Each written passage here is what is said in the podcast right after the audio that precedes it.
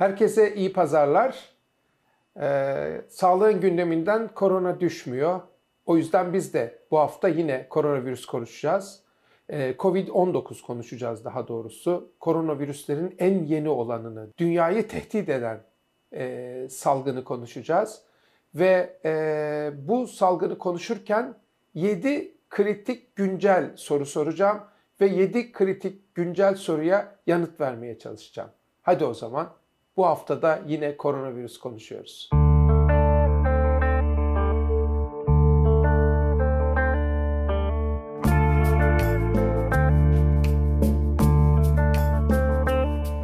Birinci kritik soru. Virüs neden bu kadar hızla yayılıyor?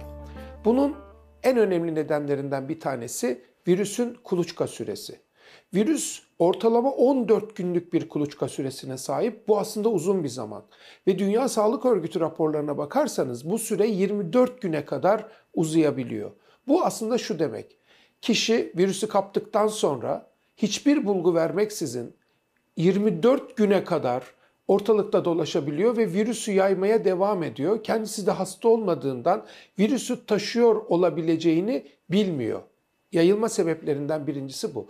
İkincisi virüs kapsüllü ve ısıya dayanıksız olarak tarif ediliyordu. Ancak kapsüllü olmasına rağmen oldukça dirençli bir virüs olduğu anlaşıldı. Havalar ısındıkça virüsün yaygınlığının azalacağı ile ilgili öngörüler vardı ama virüs direnç gösterdikçe bu öngörüyü ileri sürenler bile bu soruyu kendilerine yeniden sormaya başladılar. Acaba havalar düzeldiğinde gerçekten virüs yayılma hızını azaltacak mı veya kendini sınırlayabilecek mi?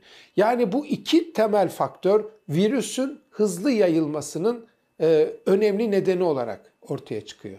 İkinci kritik soru. Bu virüs pandemik mi? Yani bütün dünyayı etkileyen bir virüs mü? Cevap aslında evet. Antarktika dışında bütün kıtalarda virüs gösterildi. Ancak pandemik demek için eş zamanlı, hızlı yayılan ve aynı zamanda birçok insanı etkileyen bir virüs olması gerekiyor.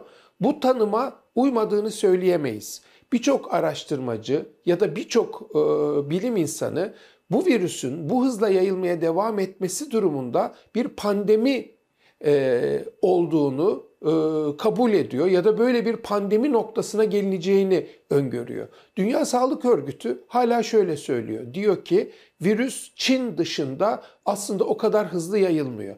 Ancak birçok araştırmacı Dünya Sağlık Örgütü ile aynı fikirde değil. Virüs gerçekten hızlı e, yayılıyor ve e, gerçekten bir pandemi yapma noktasına geldi. Dünya Sağlık Örgütü kriterlerine bakarsanız pandeminin tanımında 3 olmazsa olmaz şey var. 1. Yeni bir virüs olması. 2. insana bulaşabilmesi. 3. insandan insana hızla geçiyor olabilmesi. Aslında baktığınızda bu virüs bu anlamda gerçekten e, pandemi yaratmış gibi gözüküyor. Ama dediğim gibi Dünya Sağlık Örgütü bu salgını e, henüz bir pandemi olarak kabul etmedi. Ama önümüzdeki süreçte sanki bunu bir pandemi gibi kabul edeceğe benziyor. Peki pandemi olsa ne olur, olmasa ne olur? Aklınıza böyle bir soru gelebilir. Tabii pandemi demek bu işin aslında çok ciddi olduğunun kabulü demek. Yani şu anda adının ne olduğunun önemi yok pratik olarak. Çünkü virüs Antarktika dışında bütün kıtalarda görüldü. Pandemi olması bir de tabii önlemlerin sıkılığıyla filan ilişkili daha fazla şey yapmayı da gerektiriyor. Aslında dünya yapıyor da. Ee, örneğin İran'da okullar 10 gün kapatıldı. Japonya'da Mart ayı boyunca bütün okullar tatil ilan edildi. Üçüncü kritik soru, bu soruya daha önce de yanıt verdik aslında. Kimler risk altında? Gerçekten de yaşlı, eşlik eden hastalıkları olan, akciğer hastalığı, kalp hastalığı, şeker hastalığı, böbrek hastalığı olan, kanser tanısı almış, bağışıklık sistemini baskılayan ilaçlar kullanan, kemoterapi almış olan hastalar daha büyük risk altında. Ve yaşlara göre bakıldığı zaman da yaş ilerledikçe hastalığın ölümcül seyretme oranı ciddi anlamda artıyor. Şu anda izlemekte olduğunuz grafik yaşla ne kadar ilişkili olduğunu, hastalığın ölüm oranının ve bu riskin yaşla ne kadar arttığını açık bir şekilde ortaya koyuyor. Yine yapılan çalışmalar bu hastalığa yakalanan, bu virüse yakalananların %80'inin e, kolayca hastalığı atlattığını gösteriyor.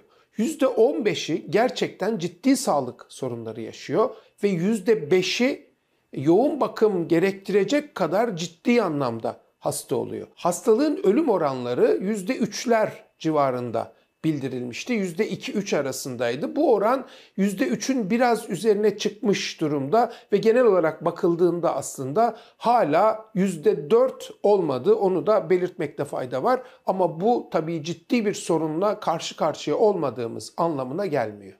Gelelim dördüncü ve en kritik sorulardan bir tanesine. Türkiye'de durum ne? Bu önemli çünkü komşularımızda e, koronavirüs rastlandı. İran'da rastlandı. Yunanistan'da yeni bir olgu bildirildi. Dolayısıyla etrafımızda koronavirüs var ama Sağlık Bakanlığı verilerini dikkate alırsak ki onu almak zorundayız. Türkiye'de henüz tarif edilmiş, tanımlanmış bir koronavirüs olgusu yok. Komşu ülkeler arasında özellikle İran'daki durum son derece dikkate değer.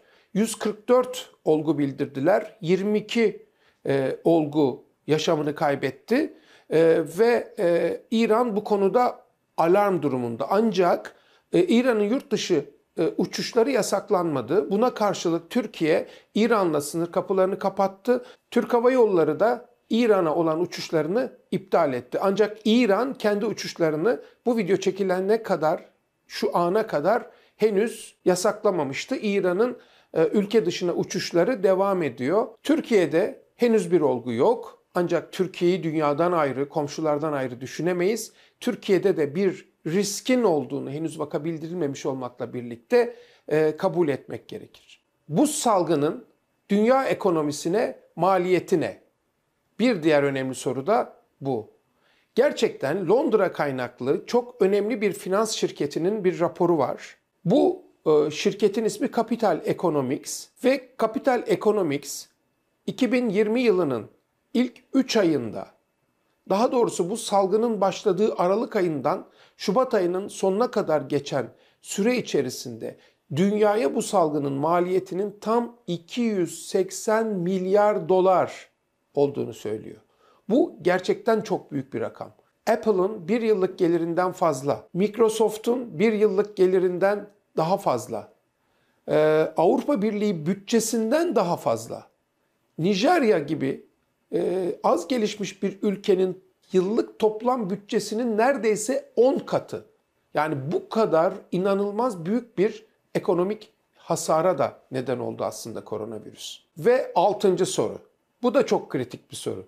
Peki biz koronavirüse karşı ne yapmalıyız? Çünkü koronavirüsün aşısı olduğu ya da üretildiği iddia ediliyor ama ortada somut bir şey yok. Yakın bir zamanda da böyle bir e, ümit yok. Aslında bir ilaç da yok. Peki biz ne yapmalıyız? Kritik sorulardan bir tanesi. İlk yapılması gereken şey sık el yıkamak. Bol suyla ve sabunla en az 2 saatten daha uzun olmayacak şekilde yani en az 2 saatte bir ve en az 30 saniye sürecek şekilde ellerinizi yıkayınız. El sıkışmayınız, öpüşmeyiniz. Geçtiğimiz günlerde İtalya'da niye bu kadar hızlı yayılıyor diye konuşurken arkadaşlarımdan biri demişti ki onlar çok fazla öpüşür sarılır muhtemelen ondan. Hiçbir gerçek payı yok. Belki de biraz var. El sıkışmayın ve öpüşmeyin. Ateş, aksırık, öksürüğü olanlardan uzak durun, temastan kaçının. Evinizi, iş yerinizi, çalıştığınız ortamı bunların tümünü düzenli olarak her gün mutlaka havalandırın.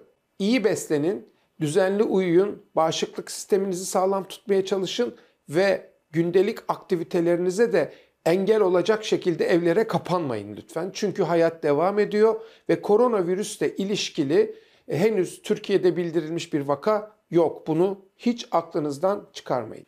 Zorunda kalırsanız dezenfektanlar da aslında son derece işe yarıyor ve hatta gerçekten Amerika Birleşik Devletleri'nde yapılan çalışmalar dezenfektanların virüsleri ve bakterileri neredeyse %100'e yakın, %99 oranında uzaklaştırabildiğini göstermiş. Ancak koronavirüs konusunda bu etki var mı? Bunun henüz dökümanı yok. Ama dezenfektanları hafife almayın.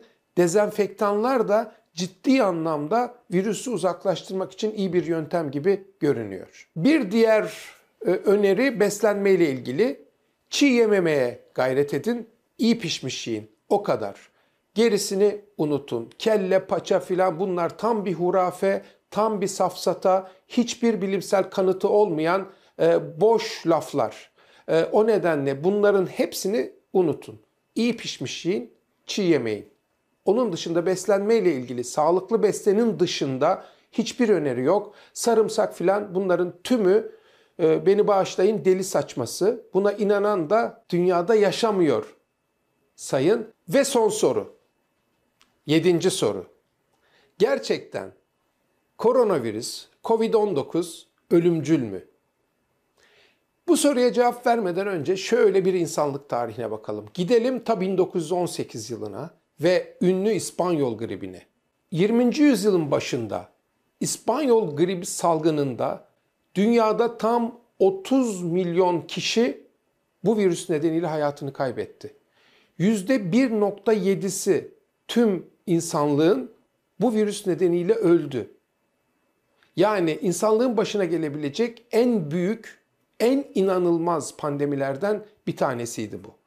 İkinci büyük pandemi 2009 yılında domuz gribiyle yaşandı ve domuz gribine yakalanan kişi sayısı 700 bin ile 1.4 milyar arasında değişiyor diye rapor ediliyor. Neyse ki ölüm oranları çok yüksek değildi. 10 binde 2-3 civarındaydı ve e, domuz gribine neredeyse bütün insanlığın %10'u o salgın sırasında yakalandı. Bu da çok önemli. Peki şu anda Covid-19 ile ilişkili rakamlar ne? Şu andaki bilgilerimiz 100 bine doğru hasta olan kişi sayısının arttığını söylüyor. En son bu video çekilirken sayı 82 bin civarındaydı. Yaşamını yitiren e, hasta sayısı da 2800'e ulaşmıştı. Yani kabaca %3, 3,5, 3,5'larda bir ölüm oranıyla seyrediyordu. Aslında koronavirüs ailesinin e, insanlığın başına sardığı ilk felaket değil bu. Daha önce SARS ve MERS virüsleri de benzer salgınlar yaptılar.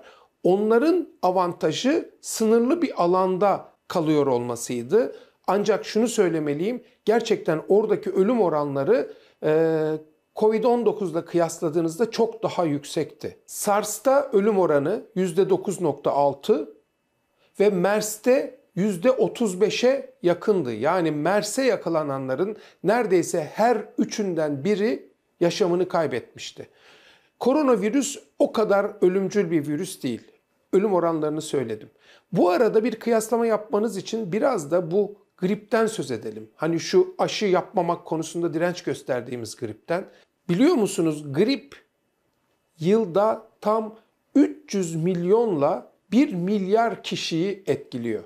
Ve gripten ölen sayısı her yıl 300 bin kişiye yakın. 260-270 bin civarında. Ee, sadece Amerika Birleşik Devletleri'nde her yıl gripten ölen sayısı inanılmaz rakamlara ulaşıyor. Tam 12 binle 61 bin kişi Amerika Birleşik Devletleri'nde grip nedeniyle yaşamını kaybediyor. Dolayısıyla e, koronavirüse ihtiyatlı davranmak doğru, önlem almak doğru ama yaşamımızı ne olur karartmayalım bunu her zaman söylüyorum. Bu video çekildiği sırada e, sonra beni eleştirip kızmayın diye çünkü Türkiye'de koronavirüs rapor edilme ihtimali komşularda görüldükten sonra çok arttı. Ama bu video çekildiğinde hala Türkiye'de bildirilmiş bir koronavirüs olgusu yoktu. Korunma önerilerimi dikkate alın. Her söylenene kulak asmayın ve normal yaşantınızı sürdürmeye çalışın. Hepinize iyi pazarlar dilerim.